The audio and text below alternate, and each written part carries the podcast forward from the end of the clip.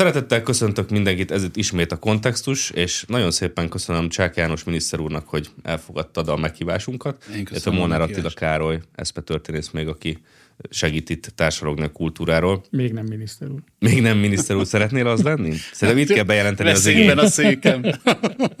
Majd megbeszéljük, hogy megéri -e. Uh, és kezdjük e- a, egyből azzal, hogy egyáltalán van-e értelme a kultúrpolitikának. Nekem mindig az a benyomásom a kultúráról, hogy, hogy azért nehéz ugye egy, két ilyen dolgot összeegyeztetni, hogy kultúra, aminek van egy ilyen spontán logikája, hogy ezt ugye az emberek csinálják, meg termelik valamilyen módon, de mindenképpen ilyen egyéni módon a kultúrát. És akkor van a politika, ami pedig valamiféle célokat tűz ki, vannak bizonyos szándékai, min akar változtatni, mit akar megtartani, hogy ez a kettő, ez hogyan fér meg egymással.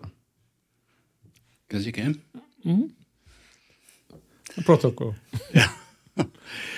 E, ugye jó előre tisztázni azt, hogy mit is értünk kultúrán. A kultúrán én egy sokkal szélesebb fogalmat értek, mondjuk így, hogy, hogy az emberképünket. Most, hogyha biblikusan akarnám kifejezni, Isten a maga képére és hasonlatosságára teremtette az embert, és ezért méltósága van. És akkor így tekintek az embertársamra. És innen lehet levezetni, hogy milyen észjárással tekintünk az emberekre. Más kultúrákban tudjuk, hogy például a férfit és nőt nagyon különbözőképpen kezelnek. Milyen az életmódunk, hogyan közlekedünk egymással. Szerintem van egy, egy feledhetetlen, és szerintem a legjobb meghatározása a, kultúrára, hogy a kultúra az szellemi jelenség és lelki örökség. Ugye ezt írta Babics. És a kultúrát azt, és itt térek vissza a kérdésedre, hogy a politikához mi köze van, a kultúrát azt nem lehet ö, teremteni. A kultúra az keletkezik hosszú nem- nemzedékeken keresztül. És ö, tudjuk a történelemből, hogy azok, akik hirtelen nagy, kult, úgymond kultúrforradalmakat, kultúr változásokat akartak elérni. Most mondhatnánk a francia forradalmat, Kínát, megváltoztatták a naptárak nevét, áttelepítettek embereket. Tíznapos hét, az volt a szám a francia forradalmáról. igen, Comte Igen, ö, igen. ö, doktornak a, a nyomán. Tehát ö, nem lehet megváltoztatni. Nagyon lassan változnak ezek a dolgok, ugyanis a, a ahogy Szent Pál mondja, hogy a szeretet bele van a, írva a szívünkbe, a szellemi jelenség, a lelki örökség is bele van írva a szívünkbe. Na most a mai társadalmakban nagyon sokféle, még akár a homogén társadalom, mondjuk egy Dél-Koreában, ahol 99% a koreai a népességnek, még ott is eh, nehéz eh, valamiféle mindenkire ráhúzható kultúráról beszélni. Mm. Mert a kultúrában benne vannak az ízlések is, az érzelmek is, úgyhogy eh, én itt át is adnám Attilának a, a szót, hogy én nekem a kultúra definícióm az egy ilyen széles definíció, a, amit ha valamit nem irányítani lehet, hanem bizonyos célokat kitűzni, amire az ember azt mondja, hogy akkor értékes ez a kultúra, akkor lesz értékesebb, hogyha azokat az emberi jókat, amiket én oda kitűzök, azok felé megy. És akkor most mondok egy megfejtést, az én megfejtésemet arra a babicsi gondolat, hogy szellemi jelenség, lelki örökség. Nekünk magyaroknak ez az Isten család haza, és a magyar szabadság. Ez a kultúránk maga, és én úgy gondolom, hogy, hogy ebből persze ki lehet lógni, meg másfelé e, e, menni, de egy politikának, egy kormányzatnak az a feladata, hogy ne csak az egyéneket, egyének életét, jólétét szolgálja, hanem a közösségét. És ott kell valamilyen elfogadható, mondom, ég egyszerűségű irány. Ennyit mondanék így bevezetőnek. Na hát, mivel az én feladatom, itt valahogy ördög ügyvédje legyek, szóval ne, ne legyen túl egy egyetértés, hogy az a baj, miniszter úr, hogy amit mondasz, alapvetően ebben természetesen egyet lehet érteni, de pont a 20. században, ugye említetted Comtot, meg a francia forradalmat, a kínai kulturális forradalmat, a 20. században és 20, most már 21. században azt látjuk, hogy, hogy a kultúra nagyon széttöredezett, rengeteg, hát ugye van, akik ezt úgy hívják, hogy hiperpluralizmus van, tehát tényleg végtelen számú variáció van a kultúrának, és, és ezek a különböző csoportok, kulturális kisebb-nagyobb mozgalmak irány, tehát vég, rengeteg mozgalom és irányzat jött létre a művészetekben, a, a, a gondolkodásban és itt tovább. Ezek, ezekre, ezeknek egy jó része így vagy úgy kötődik a politikai hatalomhoz, tehát a kultúrpolitikát akar, hogy akár, hogy ő hatalomra jusson, erőforrásokhoz jusson, akár azt akarja, hogy a másikat a másik csoportot nyomják el lehetőleg, mert az valamiért bűnös és gonosz. Tehát, hogy, hogy a, a, a, a kultúrának ez a viszonylagos lassú hömpögés, amiről beszélsz, ez szerintem ez, ez a 19.-20. században ez, ez, ez, ez véget ért, és a kultúra egy harci terep lett. Kicsit szerintem olyasmi a helyzet a kultúrában, mint a mondjuk, mondjuk a 90 után a, a, a tulajdon terén volt, hogy Ugye 45 után a, a magántulajdon nagy részét, egy jó részét legalábbis elvették, és aztán össze-vissza ugye kerültek a, a tulajdontárgyak, és, és maga a tulajdon, most pont kinek adjuk vissza a reprivatizáció során, ugye ez egy 9 után ez egy nagy vita volt, hogy most akkor a, ez egy házaknak adjuk vissza az épületeket, a földeket, vagy, vagy képpen kinek. És kicsit hasonló a kultúra is, hogy, hogy igazából a, a, a kultúrának azért vannak distinkciói. A jobb oldalt azért azt szokták bírálni, mert hogy, hogy hogy megkülönböztetéseket tesz, és, és én úgy gondolom, hogy a kultúrában nem lehet nem megkülönböztetéseket használni, jót, rosszat, helyes, helytelen, ugye. Ö, ö, tehát, hogy ezek a megkülönböztetések, amik, hogy mi a jó, mi a rossz, amit az előbb mondtál, ez, ez nagyon sok ember számára, vagy nagyon sok a kultúra, nagyon sok szereplő számára, ez már egy vörös posztol, hogy miért pont ez és miért nem az. Sőt, ugye vannak olyan irányzatok, a posztmodern mégis ezt csinálja, hogy amelyik azt mondja, hogy mindenféle megkülönböztetés az már maga egy hatalmi aktus, tehát igazából ne legyen sem, sem a szép és a csúnya, sem a jó és a rossz, semmiféle megkülönböztetést ne alkalmazunk, tehát ezek a dekonstruktivisták. És igaz és hamis sincs. Így van, és igaz és hamis sincs, így van, tehát hogy, hogy azt akarom mondani, hogy egy, nem csak a kultúrán belül van végtelen számú csoport és irányzat, ami egymással civakodik, hanem, hanem ugye vannak olyan posztmodern irányzatok, amelyek kifejezetten kultúrát egy hatalmi tevékenységnek tartják, és azt mondják, hogy kultúra evidensen van egy hatalmi alkotás, nem egy ilyen spontán, hömpölygő, kialakuló, az életmódunkból kialakuló mentalitás. Te ezt a baloldal hozta be. Hát a posztmodern, a... igen, igen, de hát azért a posztmodernnek vannak szerintem jobboldali leágazása is, de főleg baloldal, igen. E, tehát, hogy azt akarom mondani, hogy a helyzet szerintem sokkal bonyolultabb, mert ez egy, mert ez egy, ez egy hát körülbelül az ukrán-orosz fronton lehetnek ilyen aknemezők, mint amilyen a kultúra. Annyiféle szereplő van, és, és erőforrás igény. És, na mindegy, szóval most befejezem. Egyetértek a, a helyzetelemzéseddel, de ugye azt mondtad, hogy a, a valósok azok kultúrát akarnak alkotni, és, és újraindítani, ugye a múltat végképp eltörölni uh-huh. akarják, és nem fogadják el ezt a hömpölygést. De a hömpölygés és a valóság az nem függ a fiáton, hogy valaki azt mondja, hogy ne úgy legyen.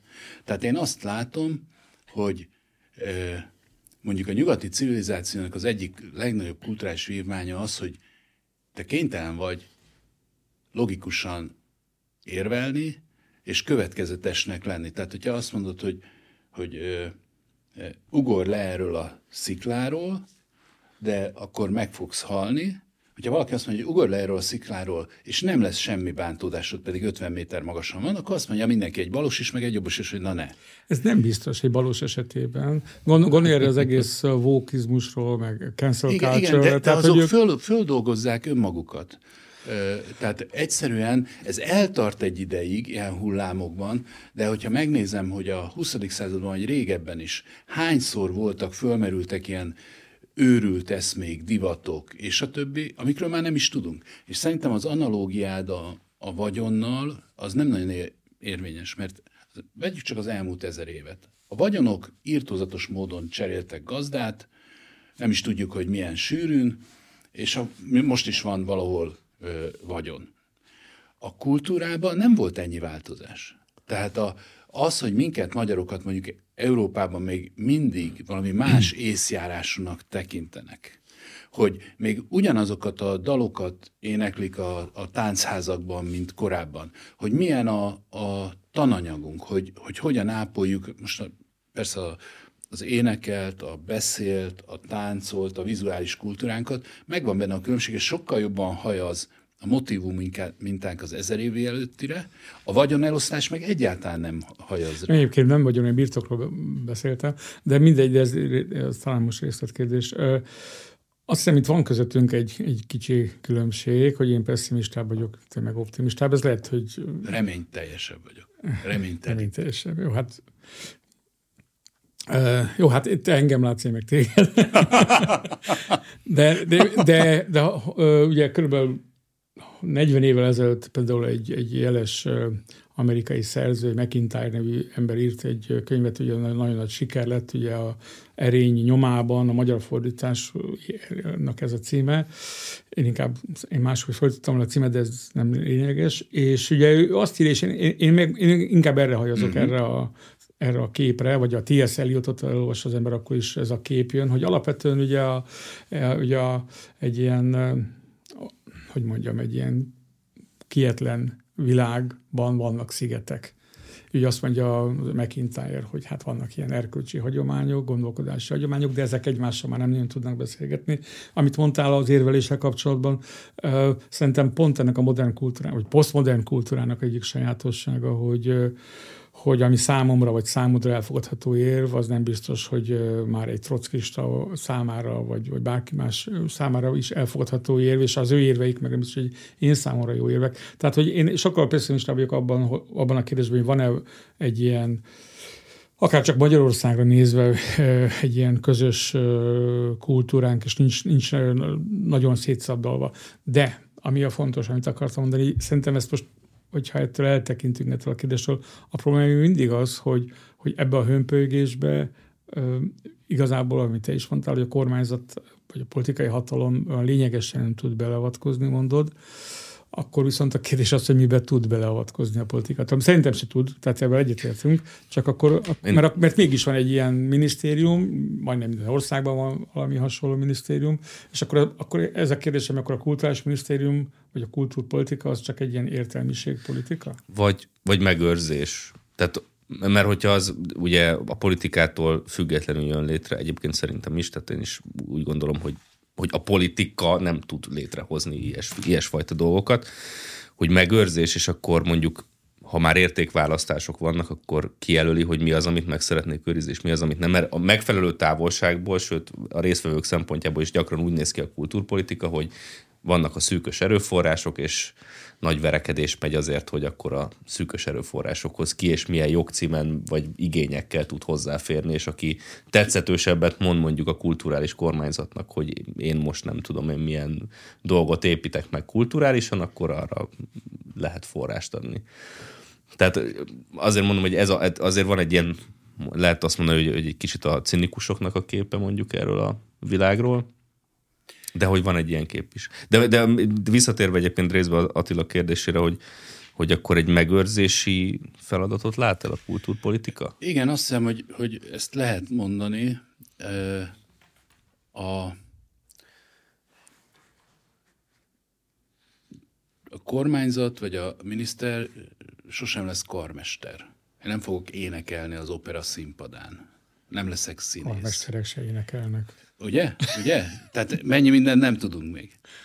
A, én szerintem egy kormányzatnak az a feladata, hogyha következetes, hogy az, amit a választásokkor ígért, ö, ö, mármint azok a pártok, akik egyáltalán föltárják azt, hogy milyen ö, ö, világkép alapján ö, dolgoznak, az betartja. Ugye a konzervatívoknak így vagy úgy mindenhol a világon az Isten, tehát az, hogy nem az ember a legnagyobb, hanem van fölöttünk egy, egy transzcendens valami, elfogadjuk, hogy van nálunk nagyobb erő, mert ugye azt tanultak a történelme, hogy ha az ember kapja a kezébe, akkor tragédiák történnek.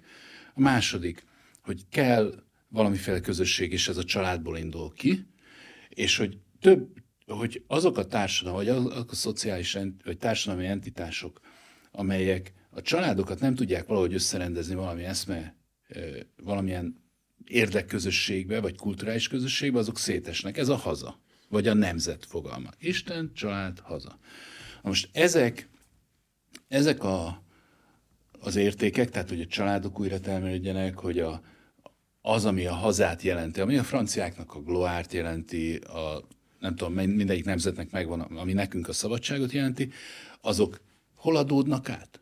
Átadódnak a családjainkban, az iskoláinkban, az egyházainkban, és a kulturális tereinkben, a kulturális alkotásainkban. Ugyanis kultúra az gyakorlatilag közös cselekvést jelent. Még amikor olvasok, te Elisder McIntyre-t olvasol, akkor beszélgetsz az öreggel. És, és na most az államnak azt, azt kell eldöntenie, hogy az egyházakban, az iskolákban, a, a kulturális terekben nem ő alkotja meg, hanem hogyha van egy, egy kínálat, hogy ki mindenki milyen alkotásokat hozna, az melyik esik egybe azzal, amit ő a választásokon ígért. Ha nem ezt tenné, akkor megcsalná a, a választóit. És például Magyarországon, hála Istennek, elképesztő ö, ö, burjánzása van a kulturális teljesítményeknek. Akár a vizuális kultúrában, akár az, a képzőművészetben, akár a, az előadó művészetekben. És e, nálam, tehát mi Magyarországon a GDP-nek nagyjából az egy százalékát költjük kultúrára, az Európai Unióban nem fél százalék, és hogyha csak azt nézem, hogy mennyi igény jön be hozzám, az ennek a négy-ötszöröse. Na most a, a, a kultúrát nem csak az államnak kell föltartania. Tehát ha értékes a kultúránk, ha meg akarjuk őrizni, akkor te is a gyerekednek megveszed azt a mesekönyvet, amit egy üzleti kiadó adott ki. Vagy te megveszed a, nem tudom, a hangzó helikomból ezt vagy azt a, a lemezt, hogy tanulja meg a katonadalokat esetleg a, a, a, a gyereked.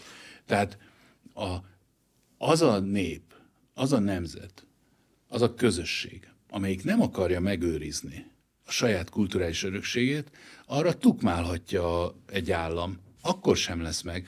Ezért vagyok én reményteljes, mert az üres, áll, talmi, rögeszmés, balos ö, ö, eszmeköröket az emberek nem fogják megvenni, mert szétesik a közösség. Most rögtön két ellenvetést hadd tegyek ki, avval, amit mondasz. Tényleg a ördögügyvédjeként. A, az, az egyik az, hogy ö, lehet, hogy egyetértünk a Isten haza család és szabadság, ez nekem egy teljesen elfordítható program, de, de ugye ebben lehorgonyzod a kultúrpolitikát egy bizonyos kultúra a világnézet mellett, amelyet számtalan más kulturális irányzat és világnézet van esztétikai erkölcs és a többi felfogások. Most, ugye erre most már nem, de azért a 90-es években Magyarországon is nagyon népszerű volt, ahol sokan azt követelték, ugye főleg a liberálisok, hogy hát az államnak semlegesnek kell lennie.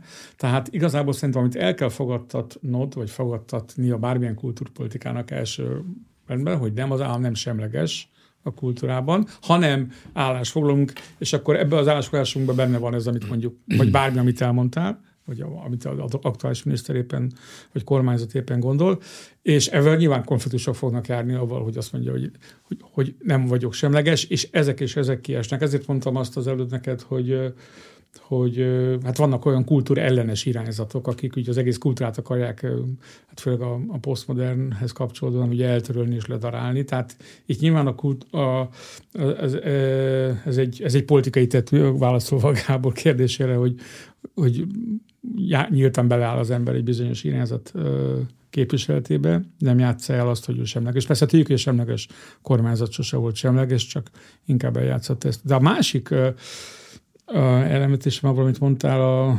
hogy, hogy ez a, a könyvkiadás, a filmek és ilyesmi, amit a zene, amiről beszéltél az előbb, ami a, a hétköznapi életünkben ezek azért fontos jelen vannak, főleg a elektronikus kütyüknek hála.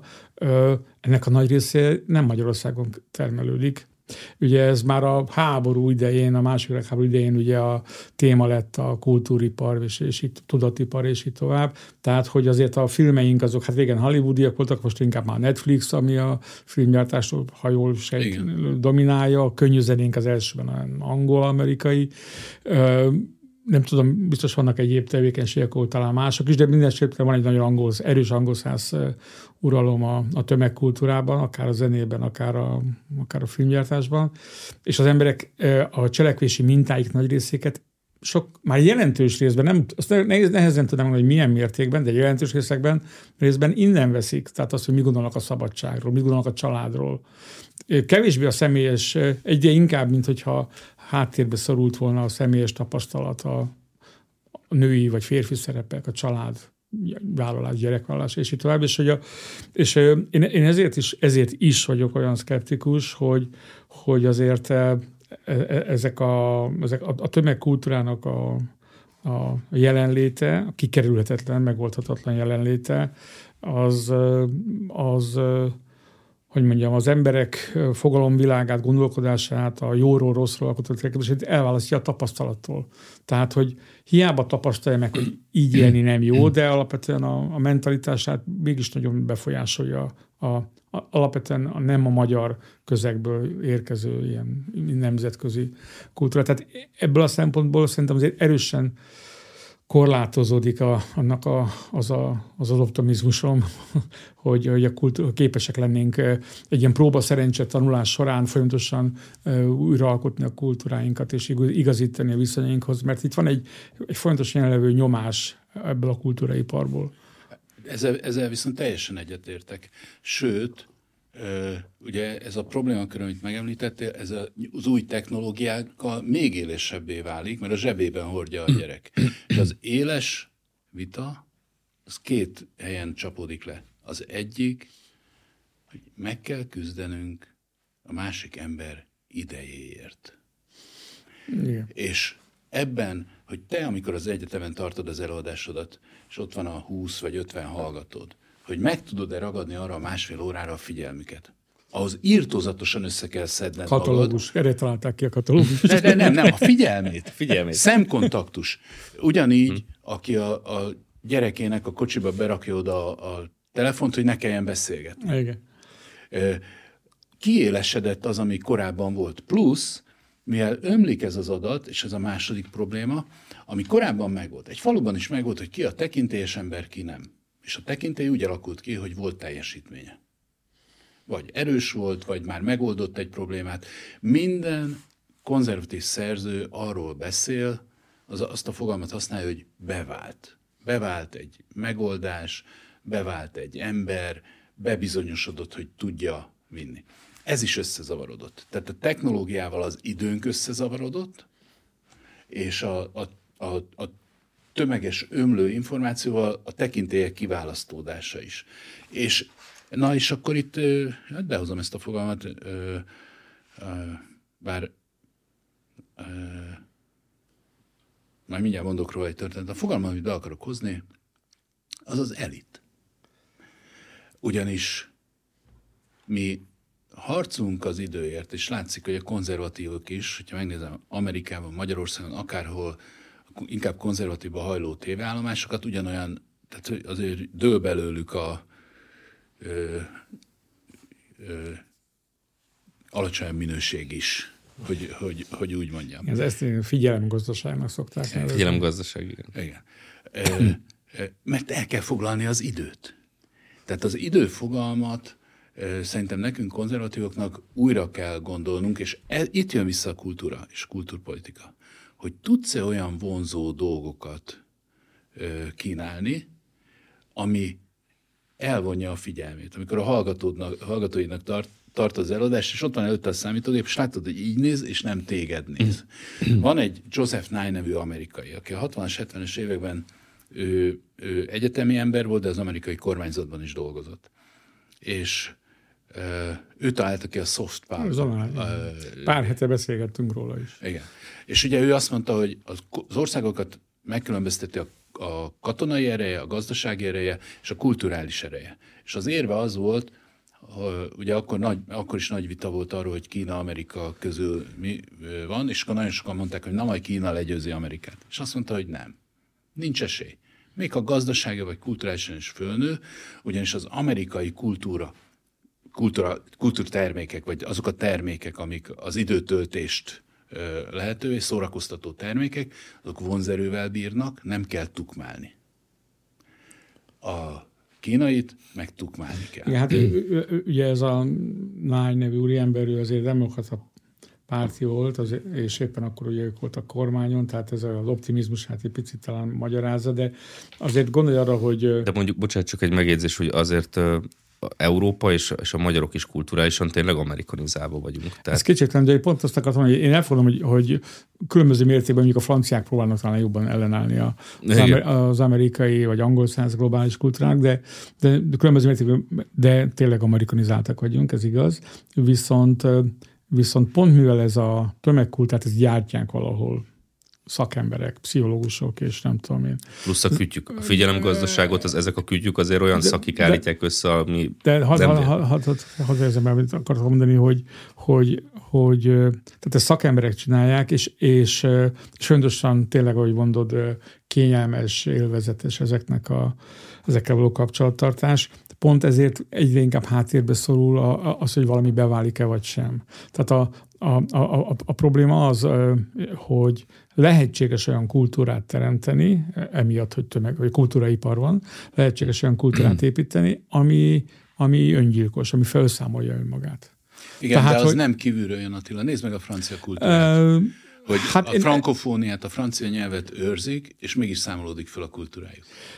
De most arra gondoltam én, hogy, a, hogy az amerikai kultúra képes-e magát, ugye most a Kínával való versenyben, hogy rendben van, hogy, hogy népszerű, meg, meg jó, kellemes fogyasztani az amerikai kultúrát, vagy, de ez nem biztos, hogy ez az amerik, amit, amit ők gyártanak tömegkultúra néven, hogy az képes az amerikai birodalmat üzemeltetni. Mondok egy példát, van egy Frank Kreveld nevű Belgiumban élő hadtörténész, aki erről írt egy könyvet, hogy a mostani nemzedékek hogyan, hát, hogyan, hogyan fogalmazzam, hogyan lettek puncik. Ugye az angolban ez azt jelenti, hogy ilyen gyengék.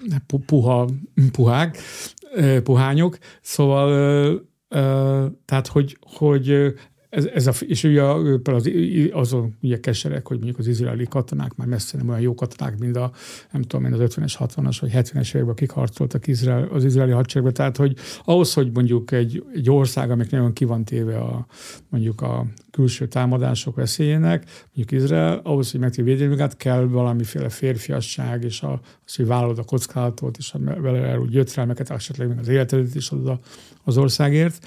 És hogyha ez a kultúrából kimosódik ez a mentalitás, akkor hiába vannak szuperfegyvereid. Ugye ezt látjuk a, most a mostani ukrán konfliktus kapcsán, ugye, hogy, hogy hát a nyugat nem akar, nem tud komoly háborút viselni, mert nincs meg az a kultúra, ami egy, ami egy háború működtetéséhez szükséges, hogy a katonák hajlandók, hajlandók legyenek elmenni, meghalni a, az ügyért, vagy a hazáért. Tehát, hogy azért elképzelhetőnek tartom, hogy a kultúra olyan terveket állít elő, mondjuk a cancel culture például, ami önfelszámoló, vagy gondolja az abortussal és a gyerekszületéssel kapcsolatos különböző irányzatokra, hogy mondjuk a Szöul, tehát hogy ugye azt mondják, hogy Szöul környékén a, a termékenység mutató még a németnél is rosszabb. Tehát, hogy 0,72. Igen, tehát hogy valami borzalmasan alacsony. Tehát, hogy egy alapvetően egy ilyen szülés elleni kultúra alakult ki, ami nyilván hosszú távon... Nem, egy kényelmi kultúra. De hosszú távon nyilván ez önfelszámoló. Mint, mint Európában is egyébként.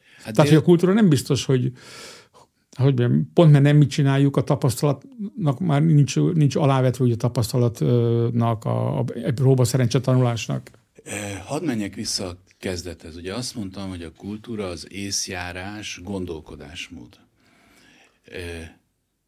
És nagy, nagyon jó a két példa, amit mondasz. Izrael és Korea. Mind a két helyen jártam, és beszéltem politikusokkal, üzletemberekkel, és vegyük ebbe még bele Amerikát. Én szerintem úgy van, hogy azok, azokban az országokban erősebb az úgynevezett kultúra, tehát a, a önvédelemre való hajlam, amelyek egzisztenciális fenyegetésként élik meg a létüket, mert akkor összekapod magad. Jön az adrenalin, összekapod magad. Izraelnél nem is kell mondani, hogy ez így van.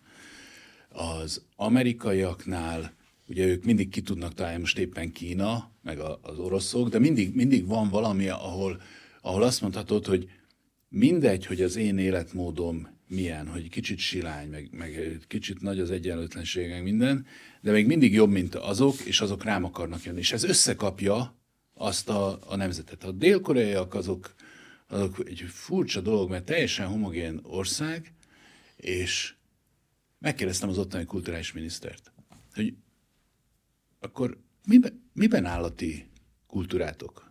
Mi a, mi a magva? A, mi az a szellemi jelenség és lelki örökség? És ült, legalább már fél percig gondolkodott, és azt mondta, hogy a Korean pop, a K-pop. és, és ez egy nagyon okos ember, a hazáját szerető ember. Elmentem a családügyi miniszterhez, a, aki ugyancsak egy kiváló okos nő, beszélgettünk, hogy milyen intézkedések lehetnek ők, hát gyakorlatilag többet költenek családpolitikára, mint mi.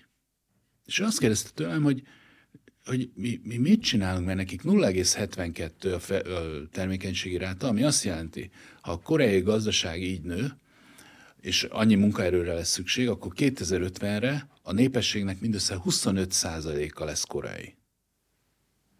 Ami nekik egy sok lesz, mert most alig van külföldi uh-huh. Koreában. De minden ahol tehát nem elég erős az az egzisztenciális fenyegetés, amit ők éreznek, pedig Japánnal nincs hát valami Pedig ott van észak ott van észak de azok legalább a sajátjaik, de ott vannak az oroszok, és ott van Kína. Na most még egy dolgot mondanék, hogy ami miatt nekünk magyaroknak az amerikaiak nem olyan idegenek, az a Amerika is a szabadság eszméjére volt alapítva, és határvidék mentalitású ország, frontier.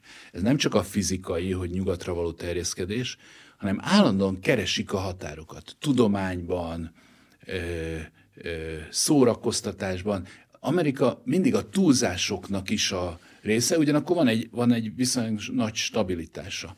És számunkra nem annyira ö, idegen, legalábbis nekem kicsi gyerekkorom óta az álmom Amerika volt, a szabadságföldje, jó, 56-ban kiment a nagybátyám, tehát ö, ö, ö, meg ugye, ő azt testesítette meg a, a szabadság eszméjét.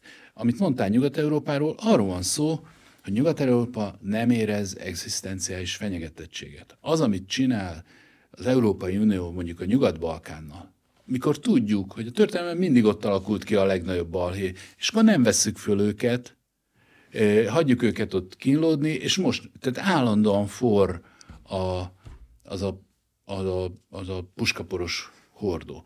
Tehát a, az az észjárás, amelyel fölfogjuk az egzisztenciális jelentőségét, hogy mi az, ami fenyeget kulturálisan, meg, egy, meg materiálisan, és hogy cselekedjünk, az nincs meg el enerválódott Európa. Amerika de azért egy, lüktet... Nekem, bocsáss meg, de akkor egyetértesz, ahogy igen. mondtam, hogy ez egy önfelszámoló kultúra. Igen, igen, igen. Akkor hát, hát a... sikerül pessimistát kihozni a miniszter úrból. Nem, nem, nem. Azért, Attila, mert te nyugati módra gondolkodsz. A fene.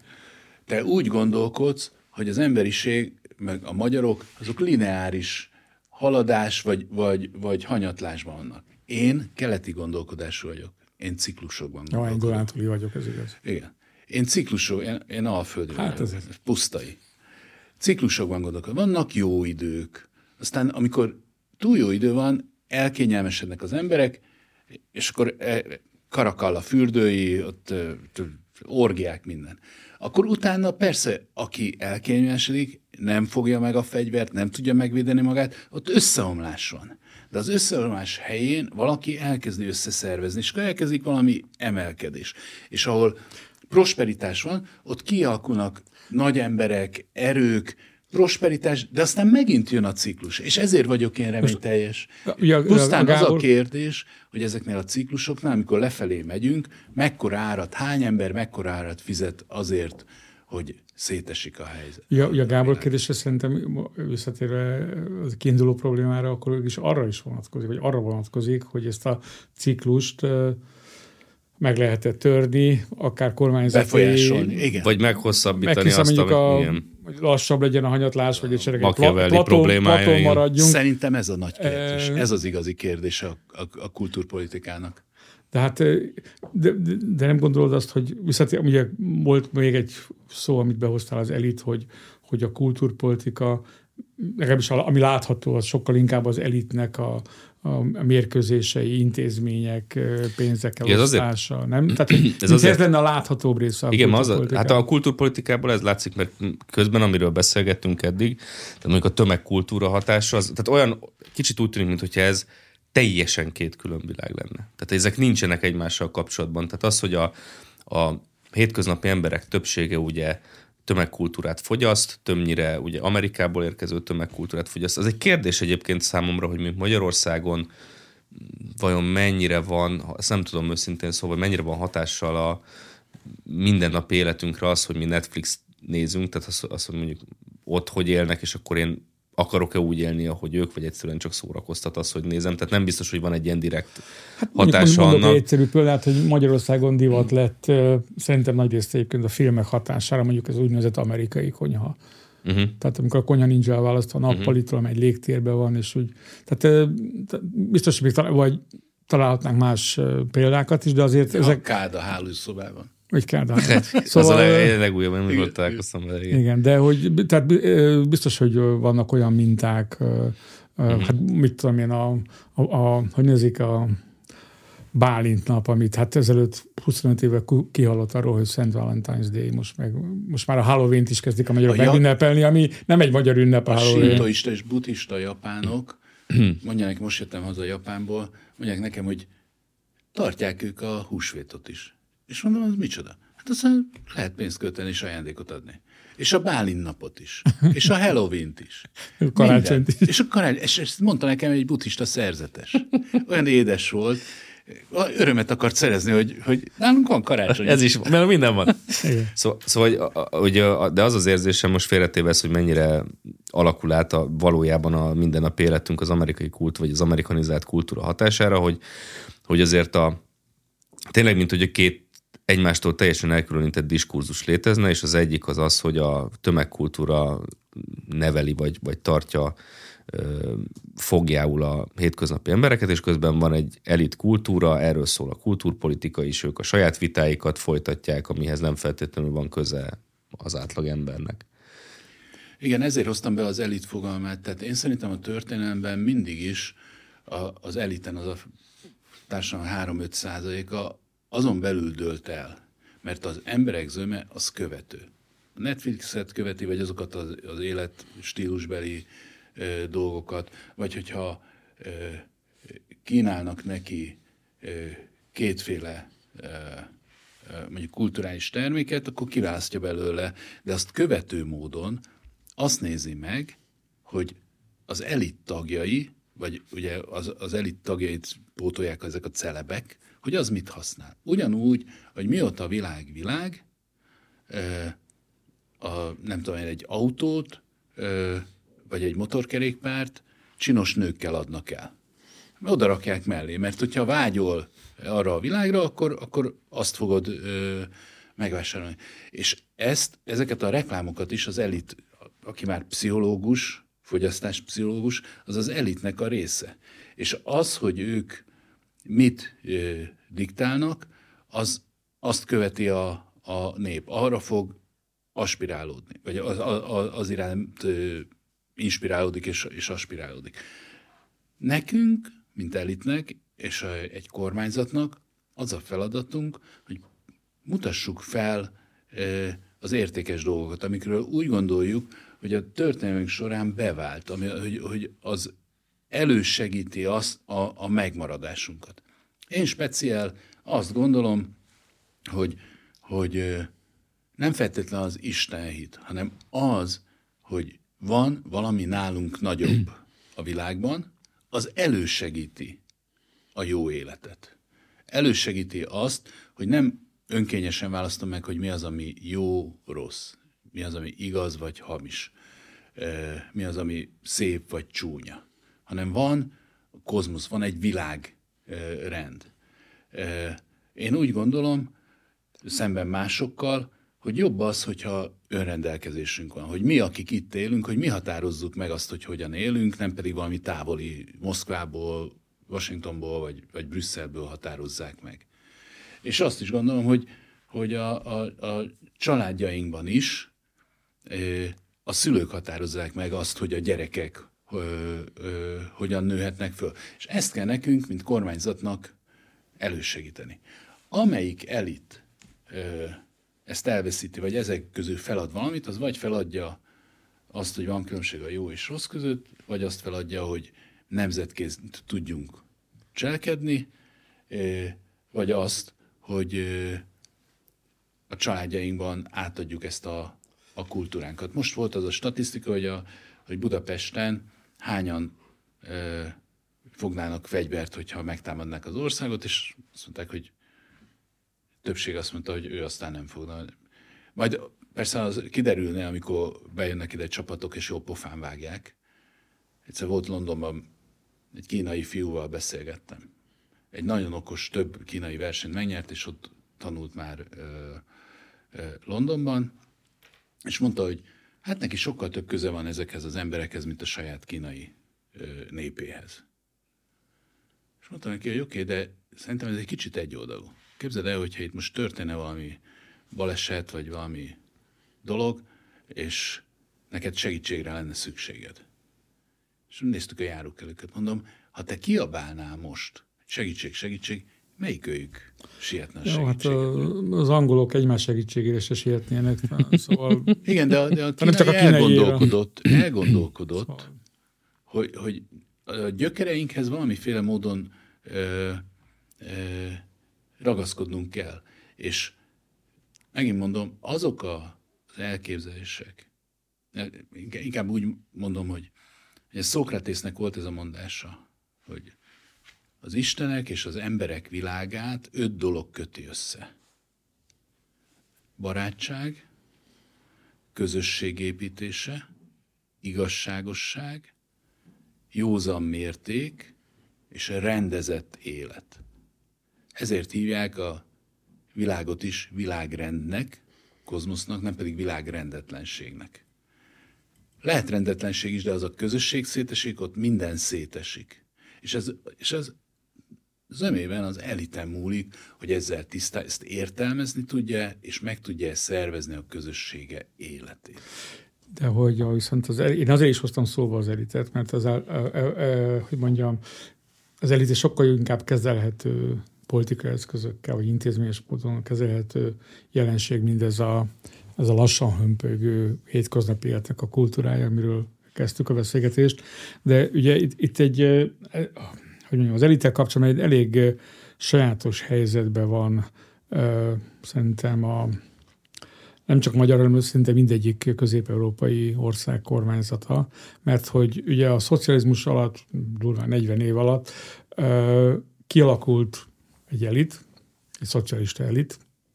A, most az, hogy valóban minőségileg elite, vagy strukturálisan elit, ezzel lehet vitatkozni, de hogy strukturálisan volt egy szocialista elit, tehát akik a intézményeket vezették, az egyetemi tanárok voltak, és a művészeti életben a döntéseket, mondjuk lemezkiadásban, mondjuk Erdő Péter, ugye szerkezetileg, strukturálisan ő elit. Erdős, erdős. erdős, bocsánat.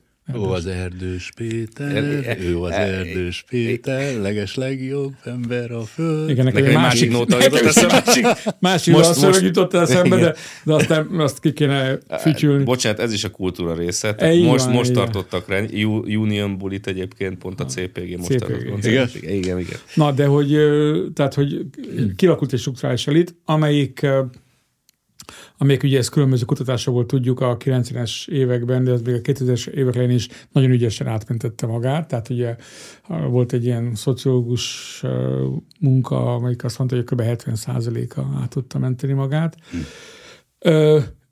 Tehát, hogy, hogy alapvetően akkor a, a, most, hogy most ez a, nyilván a kihalás miatt, meg az, az idő megy előre, tehát nyilván a, a szocializmusnak az elitje az ma már egyre kevésbé van jelen, de viszont ez nagyon ügyesen újra termeli magát. Azért én nekem az a tapasztalatom a, mondjuk a egyetemi életben, meg talán a művészvilágban is, tehát hogy, hogy azért ö, ö, egyrészt azt mondod, hogy fontos az elit, de van-e vajon olyan elit, amelyik ö, nevezzük jobboldalinak, konzervatívnak, bárminek, ami, ami, ami az általad meghirdetett hogy mondjam, célokat magáévá teszi, és elég elég befolyásos ahhoz, elég súlyos a különböző területeken. Mert én úgy látom, ez, ez az egyik, ez a, talán a, a mai magyar jobboldalnak, vagy konzervatívnak egyik legnagyobb hiátusa, hogy, hogy ez az elit, ez valahogy mintha nem nagyon lenne. Tehát, hogy az elmúlt elittel nincs jobb a jobb oldal politikai ideológiai okokból, viszont a saját elitje meg nem nagyon akar kitermelődni, és vannak, vagy lehetséges, mindig vannak önjelölt emberek, akik majd, tehát mindenki szívesen mondja, hogy persze én vagyok az elit, de, de, de talán azért... Ez a jó érzés, ha azt mondom, nem, hogy én vagyok az elit. Az... Igen, egyrészt, egyrészt nagyon jó érzés, jó. így van és otthon De szoktam borotválkozáskor. Közben mondod, hogy én vagyok az elit. Aki ezt mondja, az valószínűleg nem a része. Tehát, hogy, tehát, hogy ebből viszont van egy ilyen kettőség, egy elég ilyen ambivalens helyzet, hogy, hogy akkor a, ami, ebből az következnék, hogy akkor a, akkor a kultúrpolitikánk szükségszerűen valamilyen mértékben populáris, vagy populista. Egyetértek. Én úgy gondolom, hogy válaszol a kérdésedre, szerintem igenis van konzervatív elit, van... És elég súlyos a nem, nem, nem, nem, is. nem, nem, nem, ugye nem tudjuk ezt a számot, van, van, vannak köztük magányos harcosok, mondjuk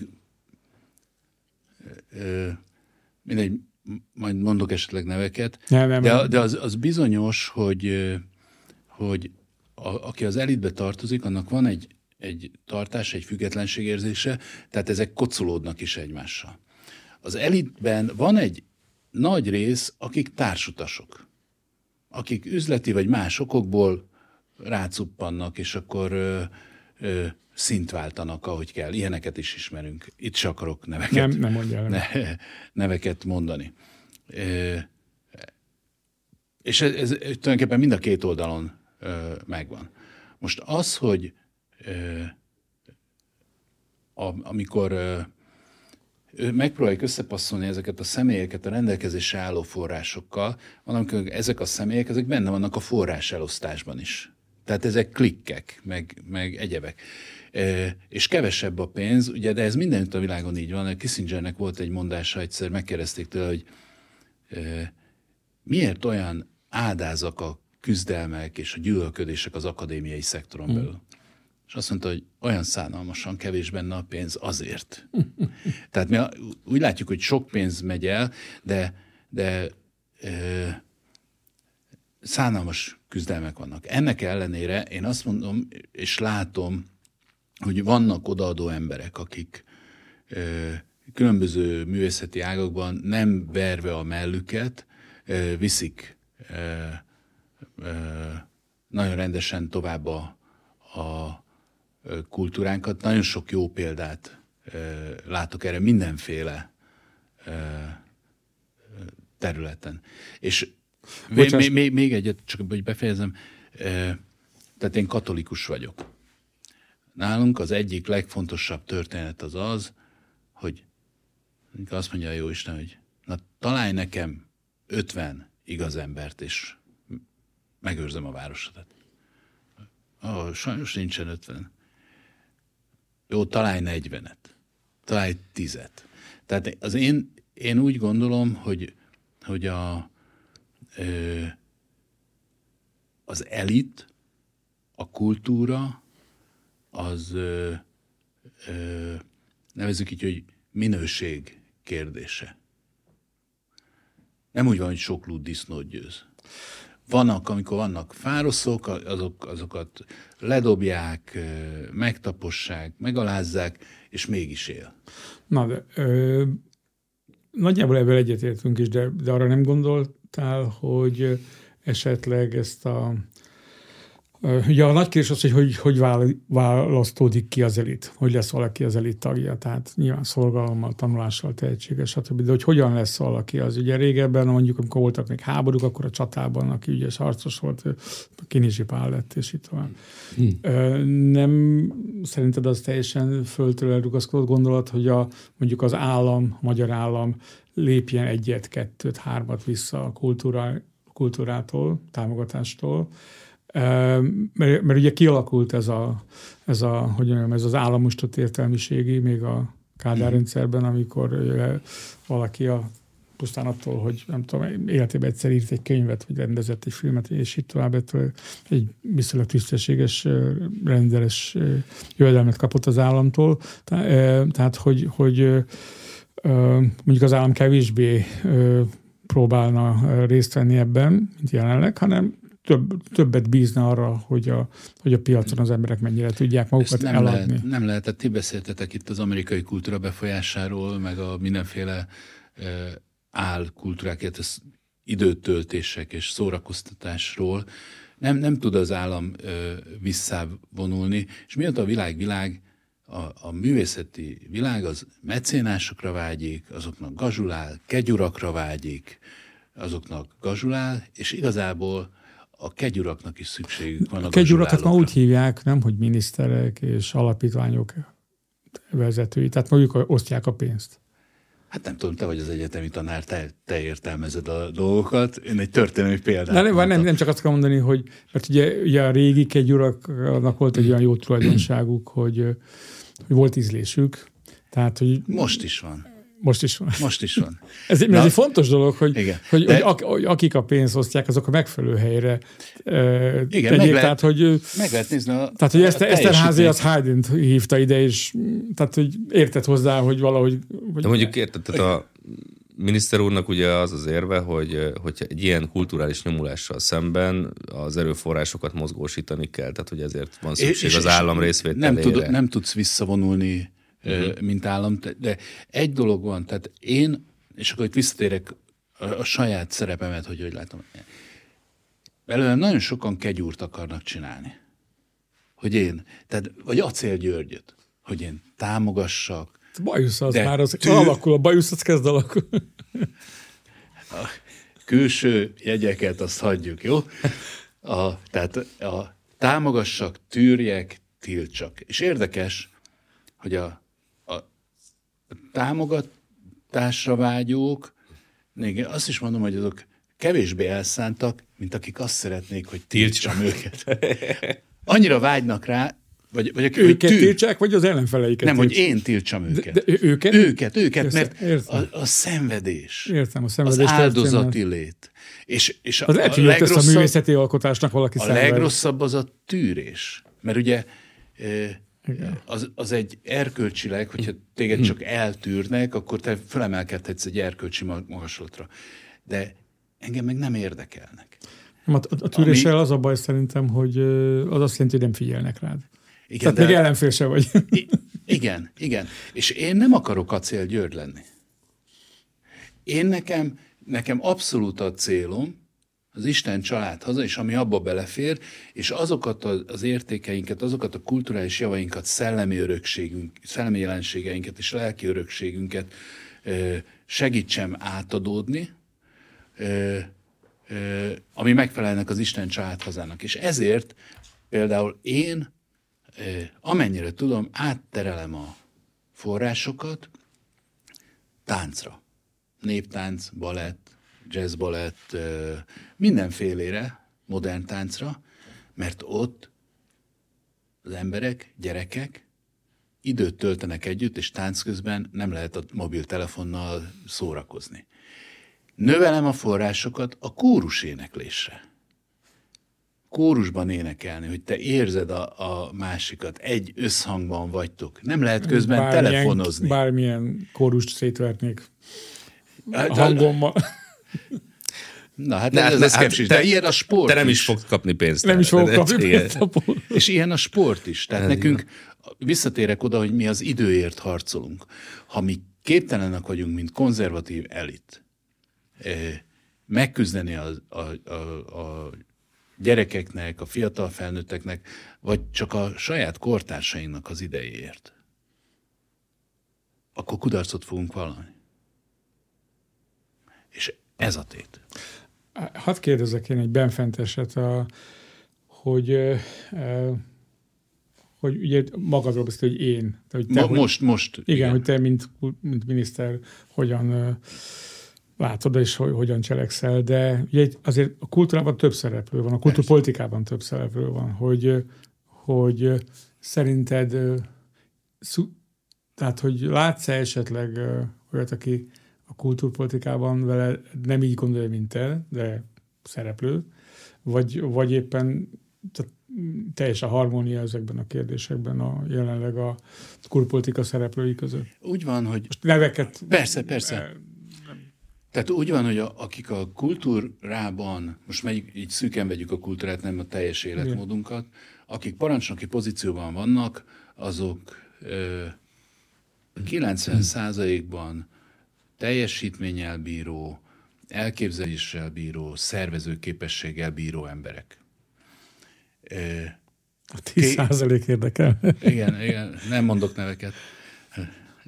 A, ugye van egyszer a Nemzeti Kulturális Tanács, ami néhány éve jött létre, abban a ugyan kultúrstratégiai intézmények vannak, de azok úgy lettek kiválasztva, hogy azok a, akik az intézmények, akik benne vannak, azok azért vannak benne, mert akik az élükön vannak, azok nagy formátumú személyiségek. És meg is csinálták külön-külön a, a stratégiájukat, ez a tanács így úgy jóvá hagyta. Csak annyi a probléma, hogy vannak, akik kimaradtak, és mondjuk nincs egy egységes, mondjuk komoly zenei stratégiánk, hanem van egy az operának, van egy a táncművészeti egyetemnek, van egy a műpának, van egy a filharmonikusoknak, van egy ennek-annak. Hogy kell-e egy egységes, arra én azt mondanám, hogy, hogy legalább főirány kellene ugyanúgy az ember feleségével megbeszélni azt, hogy, hogy a hétvégén merre megyünk. Mert hogyha nem beszéli meg, és teljesen különféle irányba mennek, az, az nem túl jó. Ez az egyik. A másik, amikor én miniszter lettem, látván ezt a nagyon szétszórt, szétdarabolódott rendszert, létrehoztam egy, gyakorlatilag egy, egy semmilyen szervezeti szabályban benne lévő testületet, ahova meghívtam az összes olyan szereplőt, aki pénzt oszt.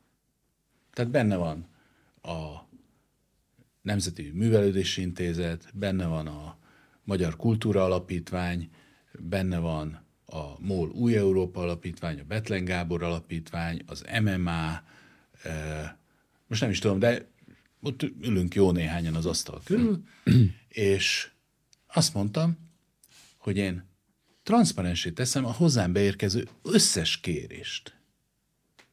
Egy táblázatban. És megnézzük, hogy azok egyébként hogy teljesítettek, mit ígérnek, mennyi nézőt, mekkora elérést, és végigbeszéljük. Két oka van, hogy ne legyen az, hogy, hogy egy produkcióra több helyről adunk pénzt, és másnak nem jut.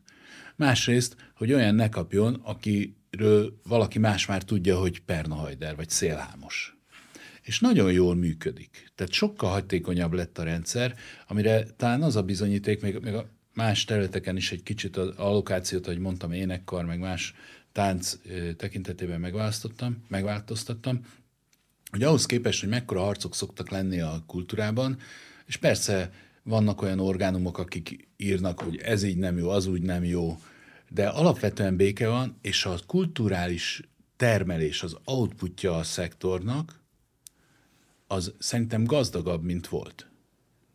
Tehát a, Hát azért egyszer elég, elég nehéz mérni, most komolyan. Nem, nem, a, tehát a megjelenő könyvek meg... számát ilyeneket lehet mérni, de hogy most jobbak, nem jobbak, nem, én, a, a, a zenekarok, a koncertek, a színházi előadásokat. Volt, volt egy nem teljesen velünk egyfélben gondolkodó kollégina, aki eh, hát elég sértődött nyilatkozatokat tett, de azt mondta, mert megértette, amit mondtam, hogy hát akkor ki kell menni, és akkor jegyárbevétel, meg mi egymás. És akkor azt mondta egy interjújában, hogy jó, én akkor megmutatom, hogy meg fogok élni, és akkor mondta, hogy sajnos Budapesten akkora a kulturális kínálat, hogy én meg tudnék élni, de túl sok a kínálat, és nekem már kevesebb néző jut. Tehát ő maga mondta, hogy igenis az állami finanszírozáson túl van. Ezért nem tűrök, meg tiltok, hanem ha valaki meg tud élni, megtalálja a közönségét, alleluja.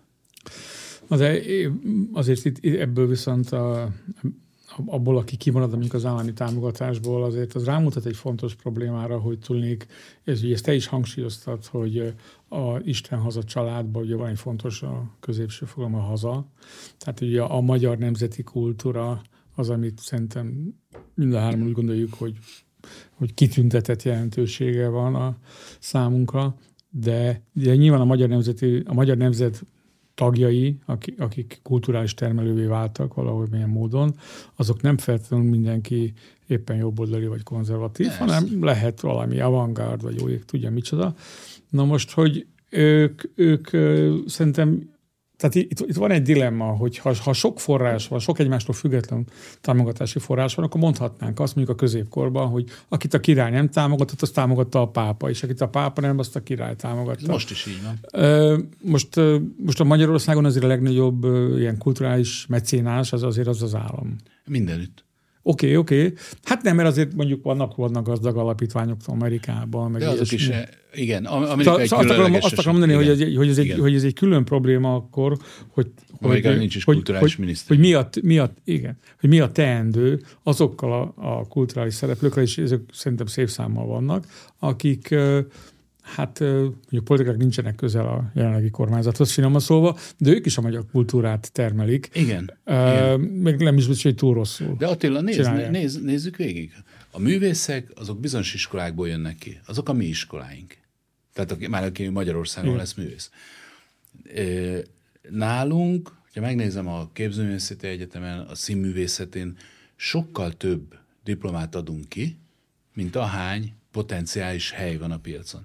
De ugyanígy így mondhatnám a, nem. Tehát sokkal több diplomát adunk ki. Hát ez sok Tehát mindenki, mindenki tisztában van vele, hogy nem biztos, hogy el tud helyezkedni a szakmájában.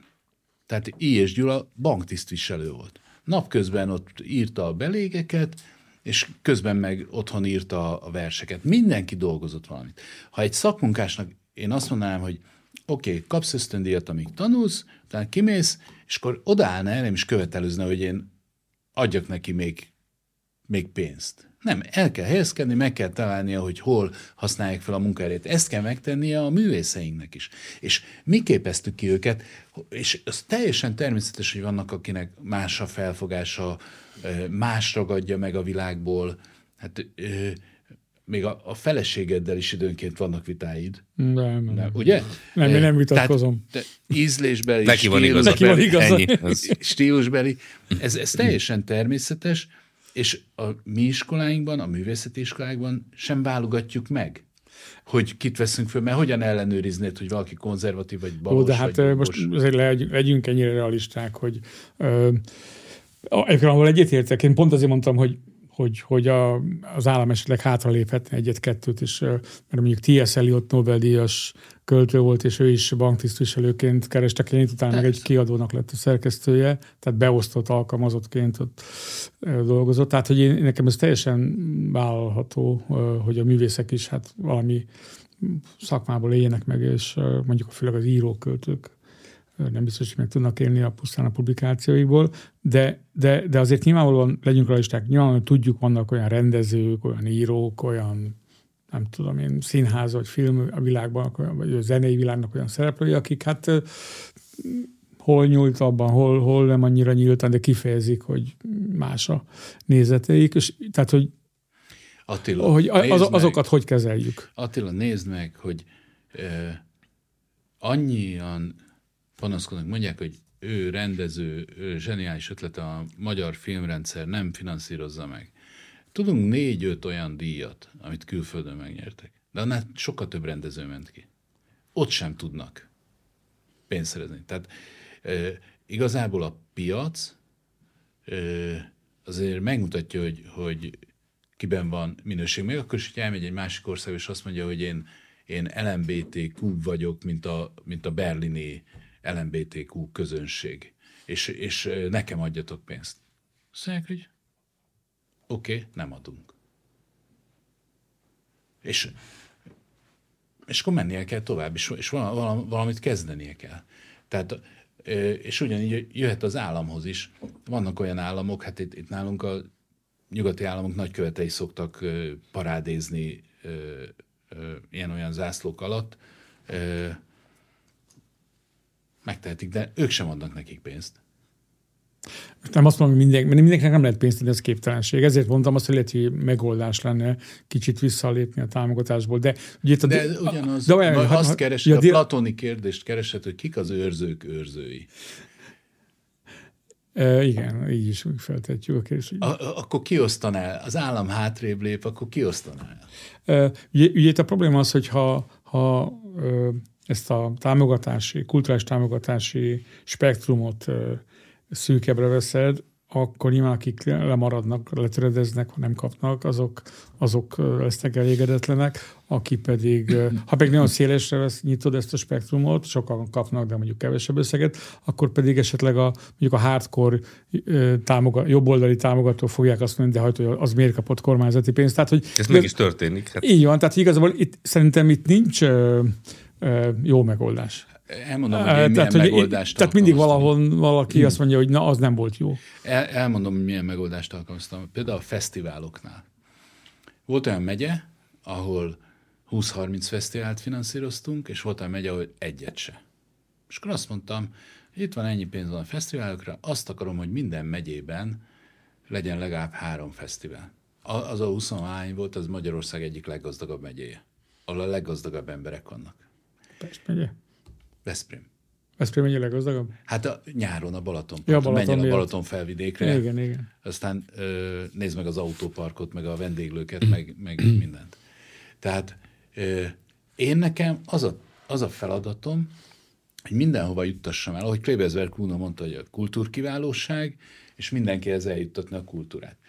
Ö, most megcsináltam azt, hogy a kultúrstratégiai intézmények, az Széchenyi Könyvtár, Szépművészeti, Nemzeti Múzeum, Levéltár, vagy tíz intézmény, kell, hogy kialakítsanak olyan programot, hogy járási szinten legalább évente kétszer-háromszor vigyenek programot. Mint a levéltár azt viszi, van egy programjuk, keresd meg a családfádat. Írtó népszerű. És így gyakorlatilag összekötöm a, az elit, a magas kultúrát és a helyi kultúrát. Ezt egyébként azért csinálom, Kányádi Sándor bátyám ö, ö, inspirációjára. Ő azt mondta, hogy a gyerekkorban mindenkinek, mindenkinek olyan a lelke, mint egy hárfa, és minden húrt meg kell pendíteni. Nem biztos, hogy akkor meg tudja, de később valamikor az életében majd valamikor visszazenk, hogy, hogy ezt tudja. És nekem ez a feladatom kultuszminiszterként, ugyanis azokból a gyerekekből lesz akár alkotó, akár értő közönség, vagy hogyha más pályára megy, esetleg mecénás. Ha valaki nem hallott zenét, vagy valaki nem ö, látott egy darabot, nem inspirálódik, akkor sosem derül ki, hogy mi a potenciál. És hogyha meggondoljuk, mint Liszt Ferenc Doborjánban született. Az egy kis falu. Ha nem lett volna ott egy tanító, meg egy pap, meg egy zongora, lehet, hogy akkor is kifutotta volna magát, vagy Petőfi, vagy Ligeti György, Dicső Szent Mártonban született. Az egy kisváros Marosvásárhelytől nem messze. Tehát ne, a, a, nagyon sok tehetség születik, és nagyon sok értő közönség ilyen helyeken. És ezekre gondoltam, ezért vagyok én reményteli, mert rengeteg olyan helyet látok, ahol vannak emberek, akik belső ösztökéből, hivatástudatból, de adják tovább a kultúrát. Mm. Akkor, ha értem, akkor te is azt mondod, hogy ez a, az elittel való e, birkózás, füleskodás, az csak egy szükséges rossz, és nem ez a kultúrpolitika. Nem szükséges rossz, hanem a világ ténye. Na jó, de hát hogy, jó, de ez egy aknamező, ahol nem tudsz úgy lépdelni, hogy időnként valaki föl ne robbanna. Engem szoktak, csak ugye én elég kemény kőből vagy fából faragtak, úgyhogy én nem robbanok. Hmm. Volt már, rájöttem már egy néhány aknára. Uh, térünk át a hatalompolitikára, mert ez egy ilyen toposz, és egy ilyen jobboldali toposz egyébként ez a kultúrharc, hogy kultúrharc van, vagy, vagy hogyha nincs, akkor kultúrharcot kell csinálnunk, és ugye Alapvetően a gondolat az onnan jön, hogy a 20. századi baloldal, amikor a Szovjetunió projektje összeomlani látszott, akkor a tulajdon, mint probléma forrásról áttértek a kultúra, mint probléma hmm. forrása, és akkor onnantól kezdve ugye a Lukás György, meg a Frankfurti iskola, meg a Gramsci ugye kijelölték ezt a terepet a háborúzásra, és hát úgy, úgy tűnik, hogy a jobb oldal is vagy elfogadta ezt, vagy rá akar lépni erre a történetre. Szerinted van-e kultúrharc, és ha nincs, akkor szükség van-e rá? Hogy kell ezt? Lenne igény. Lenne igény rá a kultúrharcra? Tehát vannak kultúrharcosok. Hogy van-e kultúrháború, mert tehát olyan, mint a tehát időnként vannak kocsmai verekedések, de azok ilyen egyéni ügyek. Az, hogy háború van-e, szerintem az a kérdés. Uh-huh. Mert megint mondom, mindig van egy-egy ember, aki beleköt a, a másikba esztétikailag, vagy pénzharc, vagy bármi miatt. És szerintem nem Magyarországon, de létezik egy ilyen háború, amit ugye a, a pápák úgy szoktak kifejezni, hogy az életkultúrája, vagy a halálkultúrája. Mert ugye megint, amit az elején beszéltünk, hogy nekünk nyugatiaknak a logika és a következetesség ö, ö, az parancs, tehát elvárjuk egymást, hogy logikusan érveljünk és következetesek legyünk. Az, amit bizonyos frankfurti iskola, vagy, vagy Lukács, meg mások, vagy az egész kommunista kísérlet, vagy a jakubinus kísérlet, a könyvemben leírtam, hogy mi a harmadik változat, de ezt most nem mondom, azok a halálkultúrájához vezetnek. Tehát a materiális kultúrák, mert a materiális kultúra az nem kielégítő, mert emberek vagyunk, nagyobbra nézünk, mint pusztán az anyagi javakra, az egy halálkultúra. Mi pedig az életkultúrájában vagyunk, még akkor is, hogyha törékeny, esendő, nem tökéletes, mert fárasztó a gyereket tisztában tenni, fárasztó él fölkelni hozzá, de mégis azt mondjuk, hogy van olyan értékű az életünk, hogy azt továbbadjuk. Ez az életkultúrája, és az hozzá tartozik, hogy mivel töltöm ki a gyereknek az életét. Mit tudolok neki? A, az este van, este van kiki nyugalomba, vagy a nem tudom, valamelyik amerikai uh, Doodle Jolt, vagy, vagy nem tudom, micsodát. Tehát eb, ebben az értelemben igen, van kultúrháború. Egzisztenciális. Az, a, amit kultúrharcnak nevezünk, az egyéni érdekek érvényesítésén túl, azok alapvetően helyi érdekű dolgok. Én például nem foglalkozom a kultúrharccal, mert azt mondom, hogy az, ami megfelel az Isten, család, haza és a magyar szabadságnak, azt én vállalom. Ma ugye idén 200 éves ö, Madács. Ő azt mondta, nagyon, tehát a felvilágosodásnak a híve volt, a francia forradalmat is nagyon szerette, és amikor kortás hadjáraton volt, mondta, hogy az, ő jelszava szabadság, testvériség, egyenlőség. Azt mondanánk, hogy na, na, és következőt mondta a választóinak fönt Nógrádban. Szabadságon értem a magyar hazám minden külső befolyástól mentes szuverenitását. Így fordította le a francia individuális szabadságfogalmat. Egyenlőségen értem a törvények alatti egyenlőséget. Így fordította le a, a francia forradalmi jelszavát, amelyik az arisztokraták vagyonának az elrablása, meg a kommunista eszmét. És testvériségen értem minden nemzetiségnek a saját nyelve használata mellett a magyar alkotmány alatti jogait és kötelességeit. Tehát úgy fordította át ezt a lipsi dolgot, és én azt mondom, hogy nekünk ezeket kell támogatunk, és a kultúrharc az onnan indul ki, hogy akik ezt másképpen értik, de hogyha megkérdeznéd tőle, hogy ő mit akar, tehát posztmodernet akar, oké. Okay. De mi, mi, mi az, az ami alá? A relativizmus alá akar beállni? Vagy, vagy mi, mi az, ami alá? Ugye itt a, a probléma én szerintem az, hogy, hogy a, a, amit a, a, a katolikus egyház vagy a pápák úgy neveznek, hogy a halál kultúrájuk, magukat azért nem így nevezik, sokkal inkább a szabadság kult, valahogy a felszabadulási szabadságot használják.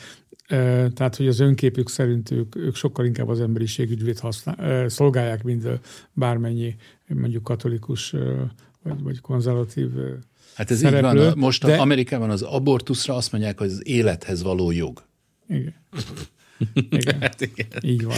Az eufemizmus sok De- De, de, darása de, de, széles. amit akartam mondani, tehát a pro- a probléma az, hogy, hogy, ö, hogy ezek az emberek, akik nevezzük mondjuk a halálkultúrának, ők itt élnek velünk, a szomszéd házba laknak, a szomszéd lépcsőházba, stb. Egy, vagy, a szom, vagy az egyetemen a szomszéd tanszéken tanít, és, és így tovább.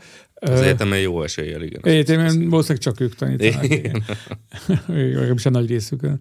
De hogy, tehát, hogy szerinted, és, ez- és ez a Gábor kérdése szerintem erre irányult, hogy lehet-e valamiféle párbeszéd? Én szerintem nem, sőt, én még abban is pessimistább vagyok, hogy, hogy még egy modus vivendit sem nagyon. Én próbáltam sokat gondolkodtam, meg próbáltam is egy modus vivendit kialakítani, és úgy lettem ebbe a kulturális konfliktus, tehát a geopolitikában léteznek modus vivendik, tehát hogy valamilyen, lehet, hogy csak 5-10 évig, de az működik és létezik. Tehát ebben a, a, a, a kulturális különbségben meg úgy látom, hogy ott sokkal kisebb a tolerancia, tehát hogy még az sem alakul ki, és ilyen napokon viszont, ha tetszik, nem tetszik, akkor benne vagyunk egy ilyen kulturális harcban, még, még ha nem is mondjuk ki, de, de ha, ha fölveszed a kesztyűt, akkor már beléptél a kulturális harcba. Tehát avval, hogy most azt mondtad, hogy Isten, haza, család és szabadság, teljesen jó, pöpec, de ebben már beléptél a kultúrharcba. Nem, nem. Még ha nem is gondolod így. Nem. Én nekem... Hát majd nézd meg a kommente- kommenteket. Tudom, tudom, de én, én, tehát én megint következetesség és logika. A, ha ezt egy balos olvassa, azt mondhatja, hogy nem tetszik neki, de azt nem mondhatja, hogy én nem mondhatom azt, ami, amit én gondolok. Hát szerintem mondja. Mo- mondja, mondja, de, de az nem fér bele, mert akkor egy, egyszer volt az eltén tartottam egy előadást mesterszakosoknak. És valami kérdés előtt teljesen mindegy, hogy micsoda, és a, az egyik srác, az egyébként Szent Tamásnak az egyik dolgáról volt szó, hogy a, a béke és biztonság a legfontosabb dolog a, a, egy országnak az életében, mert hogyha nincs béke és biztonság, akkor minden energia annak a helyreállítására megy el. És ez a srác elkezdett emellett érvelni, hogy ez, ez tényleg milyen jó, és akkor másik oldalról az egyik az elkezdte mondani, hogy hölgy, nem, nem igaz, miért mondod, hogy így van. Neki, hogy ja, figyelj, várd meg, amíg elmondja, aztán megkapott te is a szót. Azt mondja, nem, nem, pont az a balos fajta volt. És akkor mondtam a, a társaságnak, hogy figyeljetek, akkor szavazzuk meg, hogy van-e joga a kollégának elmondani. Azzal a feltétellel, hogy utána megszavazzuk, hogy neki van-e joga elmondani. Tehát bele lehetett terelni. Én szerintem arról van szó, hogy ö, van egy egymás mellett élés, mert ahogy mondtad, a szomszédon, meg máshogy, azért nem verjük meg egymást, vagy nem öljük meg egymást, hanem, hanem el vagyunk egymás mellett. A, a, az a kérdés, hogy mennyire tudjuk az agresszivitást kezelni. Ugye fizikai agresszivitáás nincs, de ahogy mondtad a kommentárokban, Tehát tehát a- nagyon durva Tehát, dolgok ö, vannak. A retorikai agresszivitás az topzódik. Igen, és az, sok, és agresszivitás. az sokszor még bántóbb, mert ugye, mert hogyha kiütnek, akkor jó, akkor nem vagy magadnál, de amikor magadnál vagy, és igazságtalanságot kell hallani. Na most ez a nagy kérdés. Szerintem ott van kultúrharc, kultúrháború, ahol ez tetlegessé van. Nézzetek meg Amerikát. Abortuszklinikák előtt, vagy ahogy a bíróság előtt beperelik a, azt a szülőt, aki nem engedi a gyerekét olyan iskolába, ahol át akarják operáltatni anélkül, hogy, hogy neki megmondanák. Na, e, ez, ez a nagy kérdés, és itt, itt van a határ. A, a kultúrharc ez egy ilyen operett dolog. Az a kérdés, hogy tudunk-e békében ö, ö, Nem egyet. e, nem egyet érteni, és elfogadni azt, hogy négy évente van változás. Nyilván egyre kétségbe esettebb a másik oldal, most a mi esetünkben például, de nálunk még az nincs meg, hogy ki vagy közösítve. De egy Kínában, hogyha nem, aki nem lép egyszerre, az nem kap rétest estére. Nézzétek meg Németországot. Aki ott nem, aki kibeszél a mostani lipsi mainstreamből, vagy, vagy főáramból, azt, azt kiteszik. Írországban ugyanezt történt, az abortusznál, az azon Jó, ezekben az országokban, amiket mondasz, ott eldőlt a kultúrharc. Nem. Ott azért nincs Nem, kultúrharc. nem, nem. Mo- nem. Most úgy áll a kultúrharc. Nem, nincs vége az időnek. Na, Attila. Sosincs, ebben teljesen csak nincs vége, tehát minden nap újra kezdődik. Igen. Ebben tökre eh, egyetértünk, de, de hát mondjuk főleg én mondjuk az egyetemi világot ismerem, tehát az, a, a nyugat-európai egyetemeken ott, eh, hát ott gyakorlatilag eh, A társadalomtudományban, meg a... Én, én Még is, a közgazdaságtudományban is ilyen Az- egy az oké. öthöz, vagy egy a tízhez. Igen, Tehát, hogy igen. a, hát most a természettudomány, ott, ott lehet, hogy csak egy a meg három. az élettudományban. Ott csak egy a négyhez esetleg, de, de a társadalomtudományban volt mondjuk tíz az egyhez a, az arány Igen. körülbelül. De de hát azért, hogy mondjam, a, nekem, nekem úgy tűnik, hogy azért nincsenek konfliktusok már Nyugat-Európában, látványos konfliktusok, mert igazából a, a, kihívók nem mernek föllépni, nem mernek kihívókká válni, e, és e, hát ott legalábbis ugye az a, azt az utat választják, hogy a, hogy ilyen, hát ilyen marginális ö, intézményekbe e, próbálnak hát élve maradni, mondjuk, mit tudom, nem, tehát nem az egyetemekben, hanem mondjuk, nem tudom, egy, egy múzeumban, vagy egy valami kis eldugott kutatóintézetbe, és így tovább. Igen. Tehát, hogy én azt gondolom, hogy, hogy ott, ahol nem látható a kultúrharcot, azért nincs, mert, mert ott azért mondjuk van egy, egy nagyon erős hegemónia, ami, ha, ha nem is dőlt el, persze, mondhatod, hogy sose dől el, be egyetértek, de van erős hegemónia. Magyarországon meg, meg úgy tűnik, hogy Hát az egy kérdés, hogy eldőlt-e vagy sem, de hogy azért vannak, hogy mondjam, kihívók, meg vannak, vagy kihívások a, a hegemóniával Van- van- szemben. Tehát, hogy szerintem, hogy mondjam, a, a kérdés az továbbra is, hogy, hogy hallgatólagosan, vagy nyíltan, hogy, hogy, hogy kezeljük ezt a kultúrharc világát, amiben benne vagyunk. Hát nem, nem tudunk nem benne lenni. Igen, de, de én pont azt mondom, hogy akármelyik oldalról, aki kultúrharcolni akar, az vagy azt csinálja, hogy ír előrevívő, inspiráló dolgokat a saját közösségünknek, vagy pedig megpróbálja korlátozni a másik oldalt. Én úgy gondolom, hogy a másik oldal, tehát ezek a balosok, ezek csak hadd kiabáljanak, mert önmagukat darálják le az inkonzisztens, logikátlan ö, dolgaikkal. Nem, én, te, te most amellett érvelsz, hogy, hogy valaki tiltsa be őket, vagy szorítsa Nem, ki. Isten őriz, Ha, nem. akkor, akkor Nem csak az, hogy van. Tehát én nem azt de, mondom, de nem az, azt mondom, az hogy a világ ténye, hogy van. Nem, hogy, nem, hogy a kultúrharc, hogy van, hogy Magyarországon van. Tehát, hogy ö, ö, tehát, Sze- Szerintem van kultúrharc, de egyes szakmákon belül nem, nem az Isten család hazán vitatkoznak, hanem azon, hogy milyen felfogásban játsszuk el az ember tragédiáját. Ugye erre volt ö, sok példa. Ez szerintem ö, ö, érdekel tehát egzisztenciális alapon 200 embert ebben az országban. Ho, ho, ho. Jó, Tehát egy, egy, egy rendes lengyel foci meccs után nagy többen verekszenek.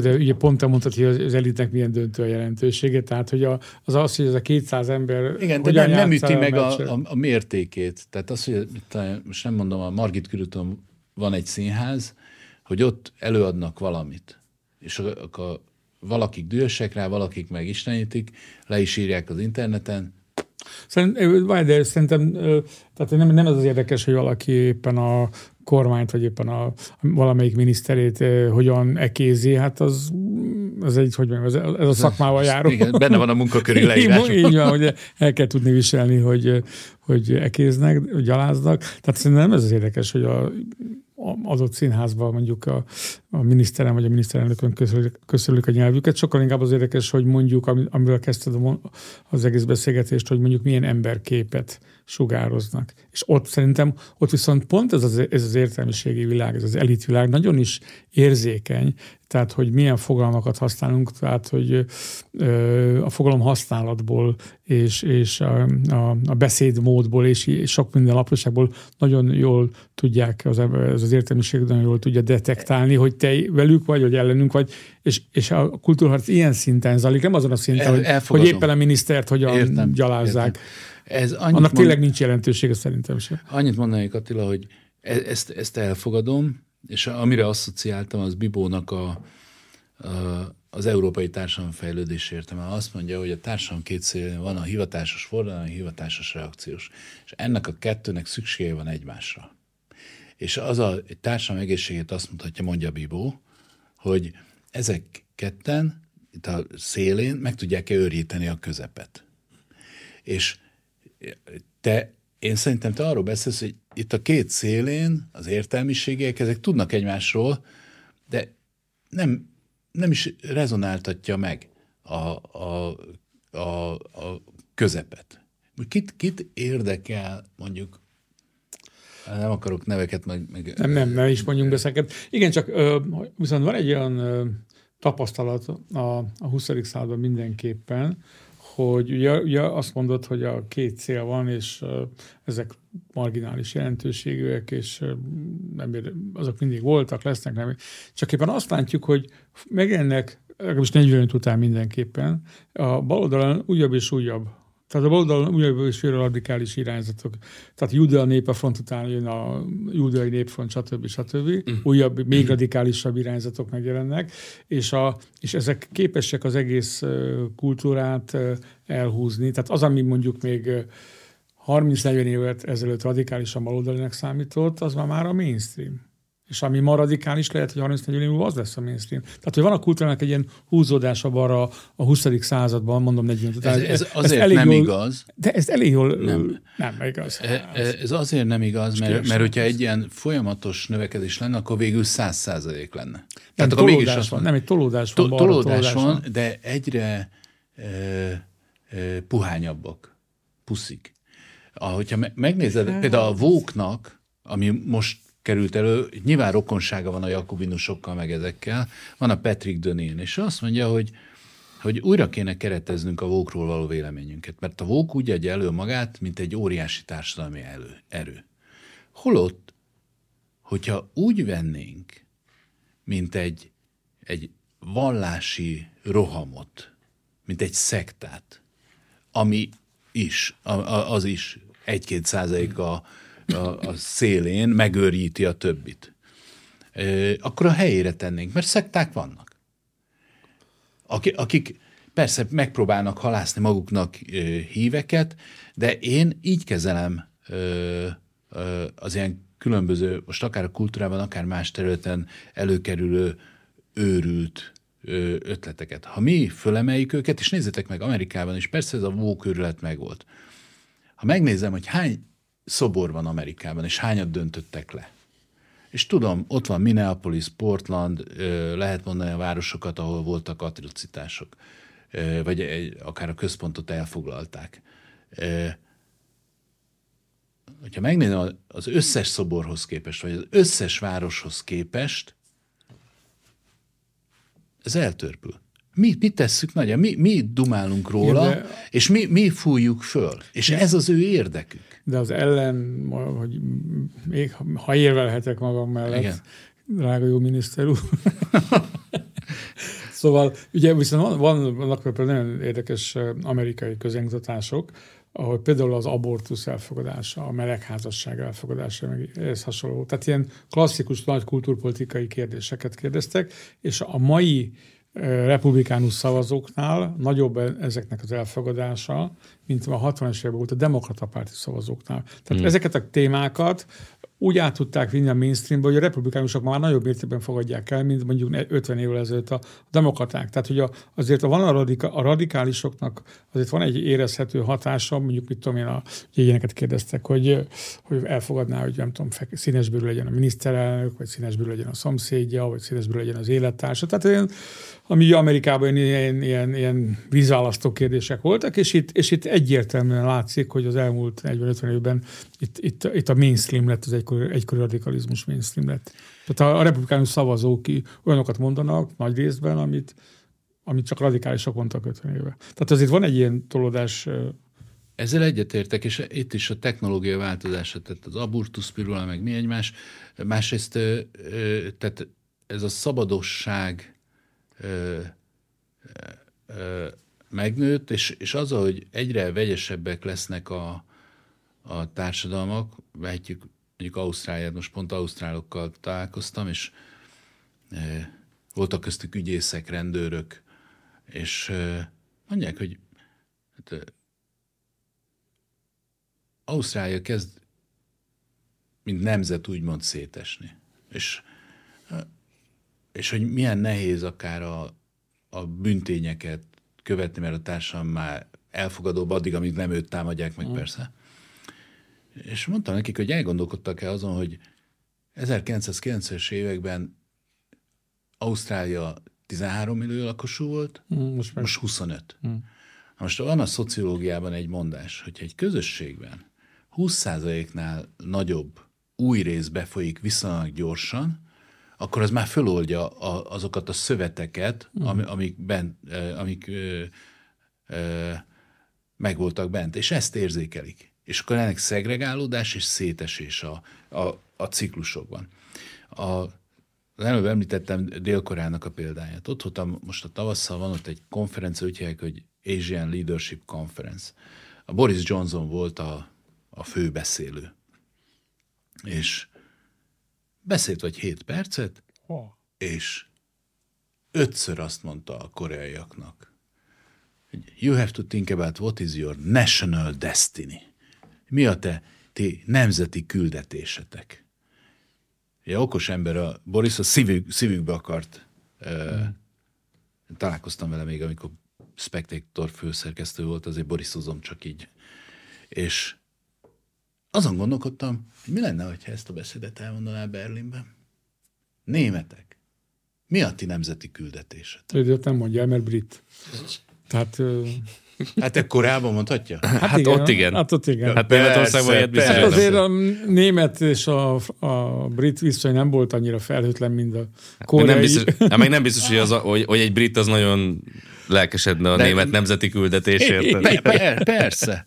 Hát vagy Ugye, ugye tehát visszatérve a, a kérdésre, szerintem van egy bizonyos e, szétesés, de ezt ilyen láz hullámoknak tekintem.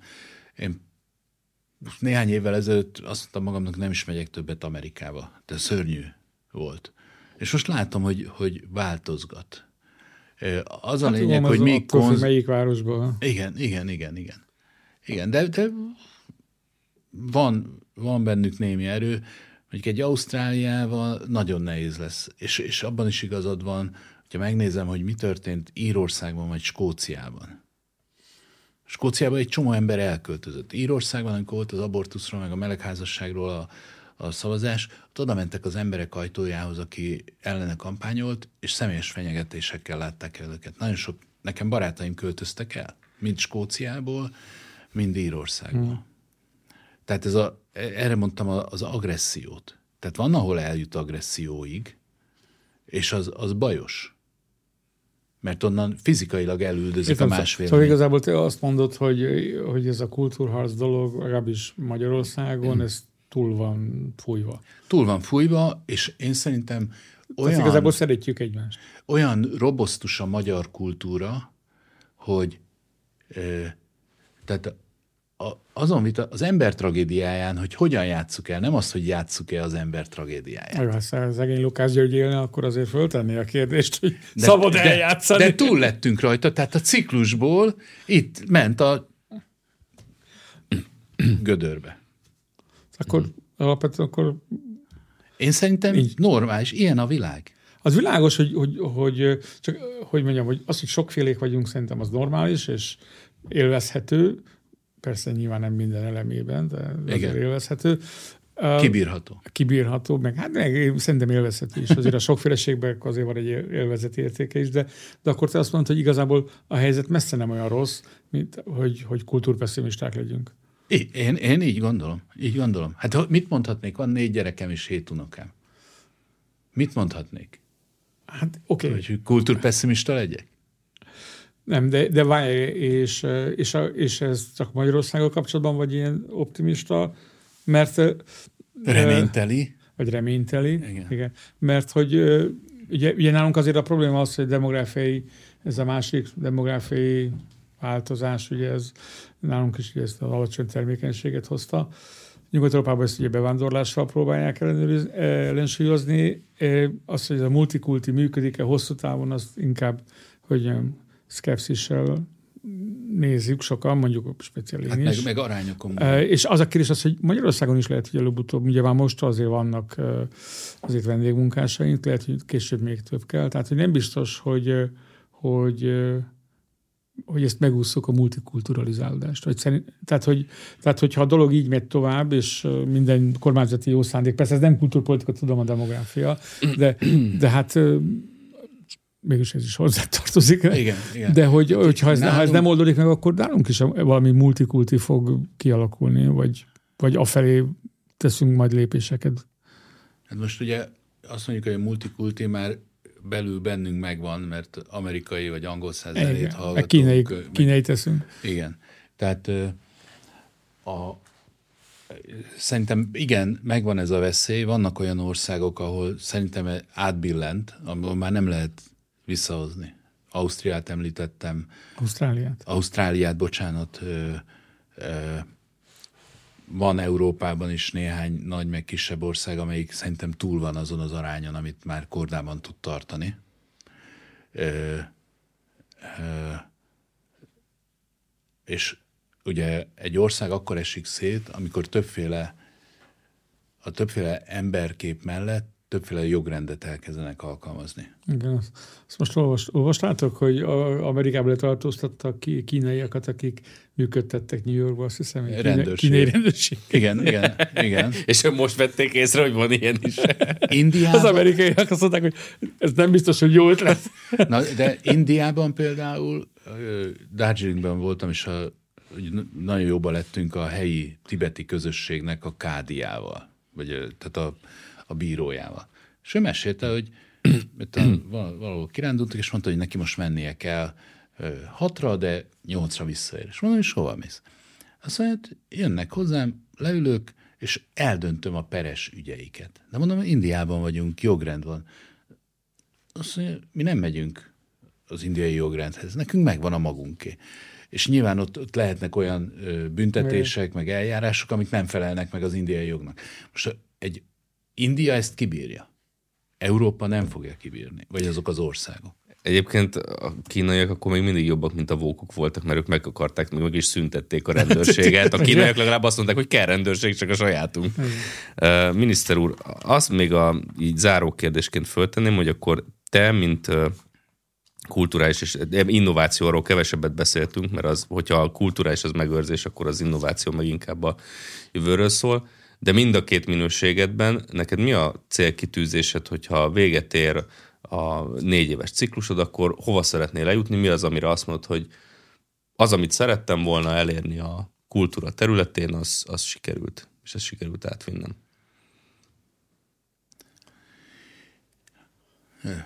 Nehezen mérhető.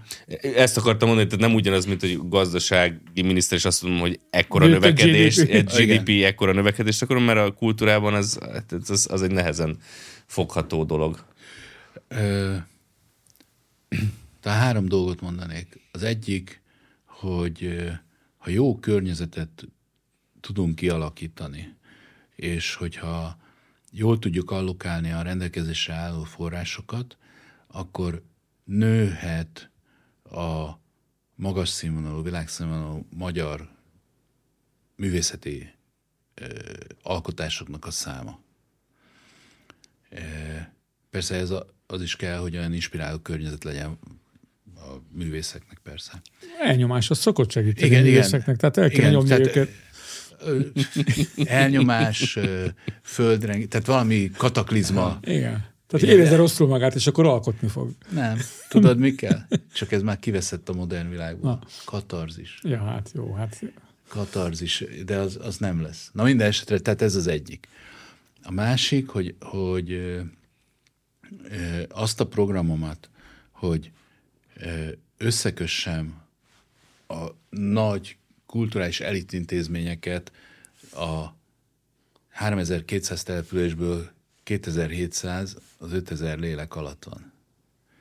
Tehát, hogy, hogy el tudjam, segítsek eljutni ezeknek a művészeti, meg kulturális alkotásoknak az elérhetőségét elérjem a kis településeken, hogy minél több gyereknek a lelkében az a kányádi sándori hárfa megpengetődjön. E, e, ezen, ezen töltöm talán a legtöbb időt. Hogy az, akikből a jövő alkotói, a jövő műértői lesznek, vagy mecénásai azok meglegyenek, és a kettőt az köti össze, hogy és ezt a legnehezebb mérni, én az időért harcolok. Nem a kultúráért, hanem az időért.